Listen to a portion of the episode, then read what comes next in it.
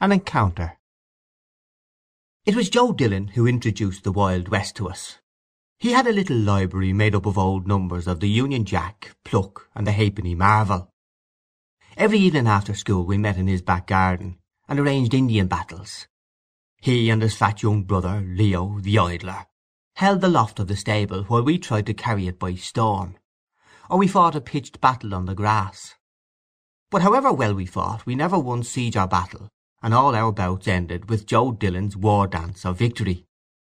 His parents went to eight o'clock mass every morning in Gardiner Street, and the peaceful odour of Mrs. Dillon was prevalent in the hall of the house. But he played too fiercely for us who were younger and more timid. He looked like some kind of an Indian when he capered round the garden, an old tea cosy on his head, beating a tin with his fist and yelling, Ya, yakka, yakka, yakka. Every one was incredulous when it was reported that he had a vocation for the priesthood. Nevertheless, it was true. A spirit of unruliness diffused itself among us, and under its influence differences of culture and constitution were waived. We banded ourselves together, some boldly, some in jest, and some almost in fear, and of the number of these latter, the reluctant Indians who were afraid to seem studious or lacking in robustness, I was one. The adventures related in the literature of the Wild West were remote from my nature, but at least they opened doors of escape. I liked better some American detective stories which were traversed from time to time by unkempt, fierce, and beautiful girls. Though there was nothing wrong in these stories, and though their intention was sometimes literary, they were circulated secretly at school. One day when Father Butler was hearing the four pages of Roman history, clumsy Leo Dillon was discovered with a copy of the Halfpenny Marvel. This page or this page? This page. Now, Dillon, up. Hardly had the day. Go on. What day? Hardly had the day dawned. Have you studied it? What have you there in your pocket? Everyone's heart palpitated as Leo Dillon handed up the paper, and everyone assumed an innocent face. Father Butler turned over the pages, frowning. What is this rubbish? he said. The Apache chief? Is this what you read instead of studying your Roman history? Let me not find any more of this wretched stuff in this college. The man who wrote it, I suppose, was some wretched fellow who writes these things for a drink. I'm surprised at boys like you, educated, reading such stuff. I could understand it if you were national school boys. Now, Dillon, I advise you strongly. Get at your work, or... This rebuke during the sober hours of school paled much of the glory of the Wild West for me, and the confused, puffy face of Leo Dillon awakened one of my consciences. But when the restraining influence of the school was at a distance I began to hunger again for wild sensations, for the escape which those chronicles of disorder alone seemed to offer me. The mimic warfare of the evening became at last as wearisome to me as the routine of school in the morning, because I wanted real adventures to happen to myself. But real adventures, I reflected, do not happen to people who remain at home. They must be sought abroad. The summer holidays were near at hand when I made up my mind to break out of the weariness of school life for one day at least. With Leo Dillon and a boy named Mahony I planned a day's mitching. Each of us saved up sixpence. We were to meet at ten in the morning on the canal bridge. Mahony's big sister was to write an excuse for him, and Leo Dillon was to tell his brother to say he was sick. We arranged to go along the wharf road until we came to the ships, then to cross in the ferry boat and walk out to see the pigeon house. Leo Dillon was afraid we might meet Father Butler or someone out of the college, but Mahony asked, very sensibly, what would Father Butler be doing out at the pigeon house? We were reassured, and I brought the first stage of the plot to an end by collecting sixpence from the other two, at the same time showing them my own sixpence. When we were making the last arrangements on the eve we were all vaguely excited. We shook hands, laughing, and Mahony said, Till tomorrow, mates. That night I slept badly. In the morning I was the first comer to the bridge as I lived nearest. I hid my books in the long grass near the ash pit at the end of the garden, where nobody ever came, and hurried along the canal bank. It was a mild sunny morning in the first week of June. I sat up on the coping of the bridge, admiring my frail canvas shoes, which I had diligently pipe-clayed overnight, and watching the docile horses pulling a tramload of business people up the hill. All the branches of the tall trees which lined the mall were gay with little light green leaves, and the sunlight slanted through them on to the water. The granite stone of the bridge was beginning to be warm, and I began to pat it with my hands in time to an air in my head. I was very happy. When I had been sitting there for five or ten minutes I saw Mahony's grey suit approaching. He came up the hill smiling, and clambered up beside me on the bridge. While we were waiting he brought out the catapult which bulged from his inner pocket, and explained some improvements which he had made in it. I asked him why he had brought it, and he told me he had brought it to have some gas with the birds. Mahony used slang freely, and spoke of Father Butler as old Bunser. We waited on for a quarter of an hour more, but still there was no sign of Leo Dillon. Mahony at last jumped down and said, "Come along. I knew Fatty'd funk it." "And his sixpence?" I said. "That's forfeit," said Mahony. "And so much the better for us. A bob and a tanner instead of a bob." We walked along the North Strand road till we came to the Vitriol Works, and then turned to the right along the Wharf Road. Mahony began to play the Indian as soon as we were out of public sight. He chased a crowd of ragged girls, brandishing his loaded catapult, and when two ragged boys began out of chivalry to fling stones at us, he proposed that we should charge them. I objected that the boys were too small, and so we walked on, the ragged troop screaming after us, "Swaddlers! Swaddlers!" thinking that we were Protestants, because Mahony, who was dark complexioned, wore the silver badge of a cricket club in his cap. When we came to the smoothing iron we arranged a siege, but it was a failure because you must have at least three. We revenged ourselves on Leo Dillon by saying what a funk he was, and guessing how many he would get at three o'clock from Mr. Ryan. We came then near the river. We spent a long time walking about the noisy streets flanked by high stone walls, watching the working of cranes and engines, and often being shouted at for our immobility by the drivers of groaning carts. It was noon when we reached the quays.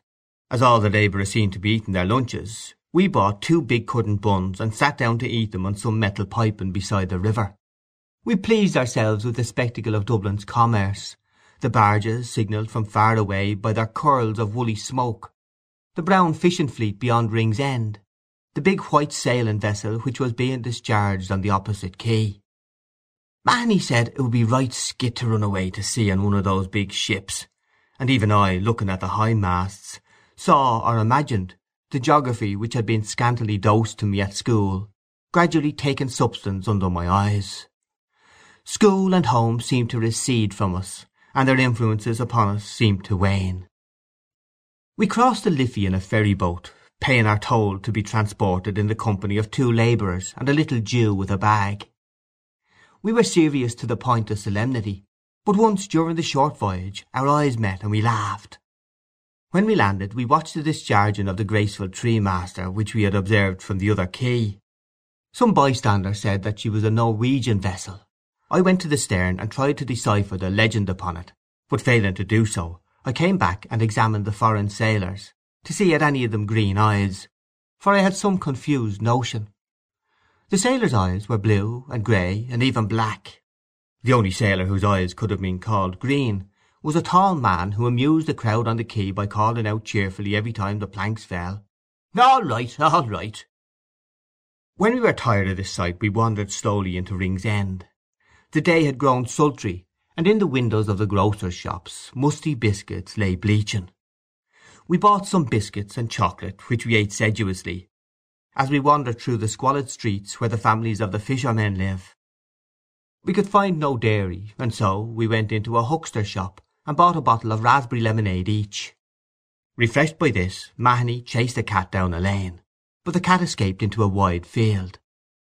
We both felt rather tired, and when we reached the field we made at once for a sloping bank over the ridge of which we could see the Dodder. It was too late, and we were too tired to carry out our project of visiting the pigeon house. We had to be home before four o'clock lest our adventure should be discovered. Mahony looked regretfully at his catapult, and I had to suggest going home by train before he regained any cheerfulness. The sun went in behind some clouds and left us to our jaded thoughts, and the crumbs of our provisions. There was nobody but ourselves in the field. When we had lain on the bank for some time without speaking, I saw a man approaching from the far end of the field. I watched him lazily as I chewed one of those green stems on which girls tell fortunes. He came along by the bank slowly. He walked with one hand upon his hip, and in the other hand he held a stick with which he tapped the turf lightly. He was shabbily dressed in a suit of greenish black, and wore what we used to call a jerry hat with a high crown. He seemed to be fairly old, for his moustache was ashen grey. When he passed at our feet he glanced up at us quickly, and then continued his way. We followed him with our eyes, and saw that when he had gone on for perhaps fifty paces, he turned about and began to retrace his steps. He walked towards us very slowly, always tapping the ground with his stick, so slowly that I thought he was looking for something in the grass. He stopped when he came level with us, and bade us good day. We answered him, and he sat down beside us on the slope slowly, and with great care. He began to talk of the weather, saying that it would be a very hot summer, and adding that the seasons had changed greatly since he was a boy, a long time ago. He said that the happiest time of one's life was undoubtedly one's schoolboy days, and that he would give anything to be young again. While he expressed these sentiments, which bored us a little, we kept silent. Then he began to talk of school and of books. He asked us whether we had read the poetry of Thomas Moore, or the works of Sir Walter Scott and Lord Lytton. I pretended that I had read every book he mentioned, so that in the end he said, Ah, I can see you are a bookworm like myself. Now, he added, pointing to Mahony, who was regarding us with open eyes, he is different. He goes in for games. He said he had all Sir Walter Scott's works and all Lord Lytton's works at home, and never tired of reading them. Of course, he said, there were some of Lord Lytton's works which boys couldn't read. Mahony asked why boys couldn't read them, a question which agitated and pained me, because I was afraid the man would think I was as stupid as Mahony. The man, however, only smiled. I saw that he had great gaps in his mouth between his yellow teeth. Then he asked us which of us had the most sweethearts.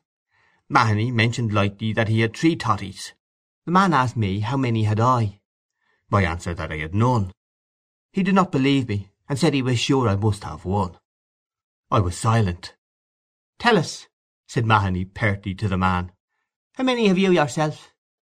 The man smiled as before, and said that when he was our age he had lots of sweethearts. "Every boy," he said, "has a little sweetheart." His attitude on this point struck me as strangely liberal in a man of his age. In my heart I thought that what he said about boys and sweethearts was reasonable, but I disliked the words in his mouth and I wondered why he shivered once or twice, as if he feared something, or felt a sudden chill. As he proceeded I noticed that his accent was good.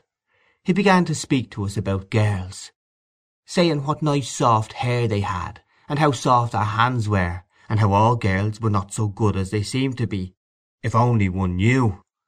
There was nothing he liked, he said, so much as looking at a nice young girl, at her nice white hands and her beautiful soft hair. It gave me the impression that he was repeating something which he had learnt by heart, or that, magnetized by some words of his own speech, his mind was slowly circling round and round in the same orbit. At times he spoke as if he were simply alluding to some fact that everybody knew, and at times he lowered his voice and spoke mysteriously, as if he were telling us something secret which he did not wish others to overhear.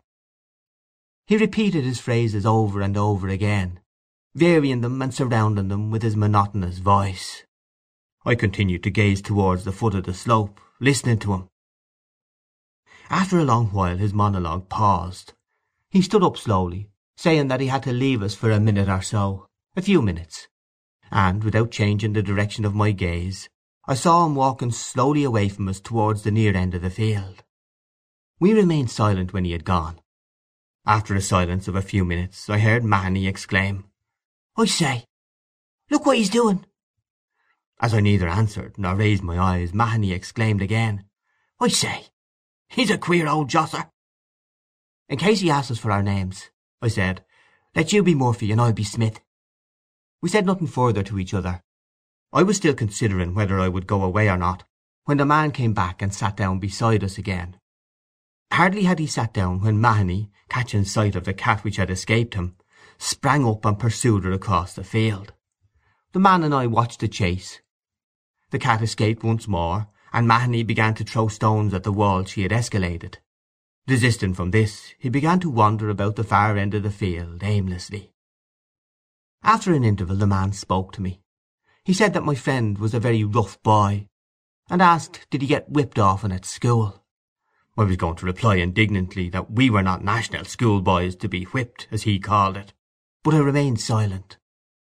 He began to speak on the subject of chastising boys, his mind, as if magnetized again by his speech, seemed to circle slowly round and round its new centre. He said that when boys were that kind they ought to be whipped, and well whipped. When a boy was rough and unruly there was nothing would do him any good but a good sound whipping. A slap on the hand or a box on the ear was no good. What he wanted was to get a nice warm whipping. I was surprised at this sentiment, and involuntarily glanced up at his face. As I did so I met the gaze of a pair of bottle-green eyes peering at me from under a twitching forehead. I turned my eyes away again. The man continued his monologue. He seemed to have forgotten his recent liberalism. He said that if ever he found a boy talking to girls, or having a girl for a sweetheart, he would whip him and whip him, and that would teach him not to be talking to girls. And if a boy had a girl for a sweetheart and told lies about it, then he would give him such a whipping as no boy ever got in this world. He said that there was nothing in this world he would like so well as that. He described to me how he would whip such a boy, as if he were unfolding some elaborate mystery. He would love that, he said, better than anything in this world. And his voice, as he led me monotonously through the mystery, grew almost affectionate, and seemed to plead with me that I should understand him.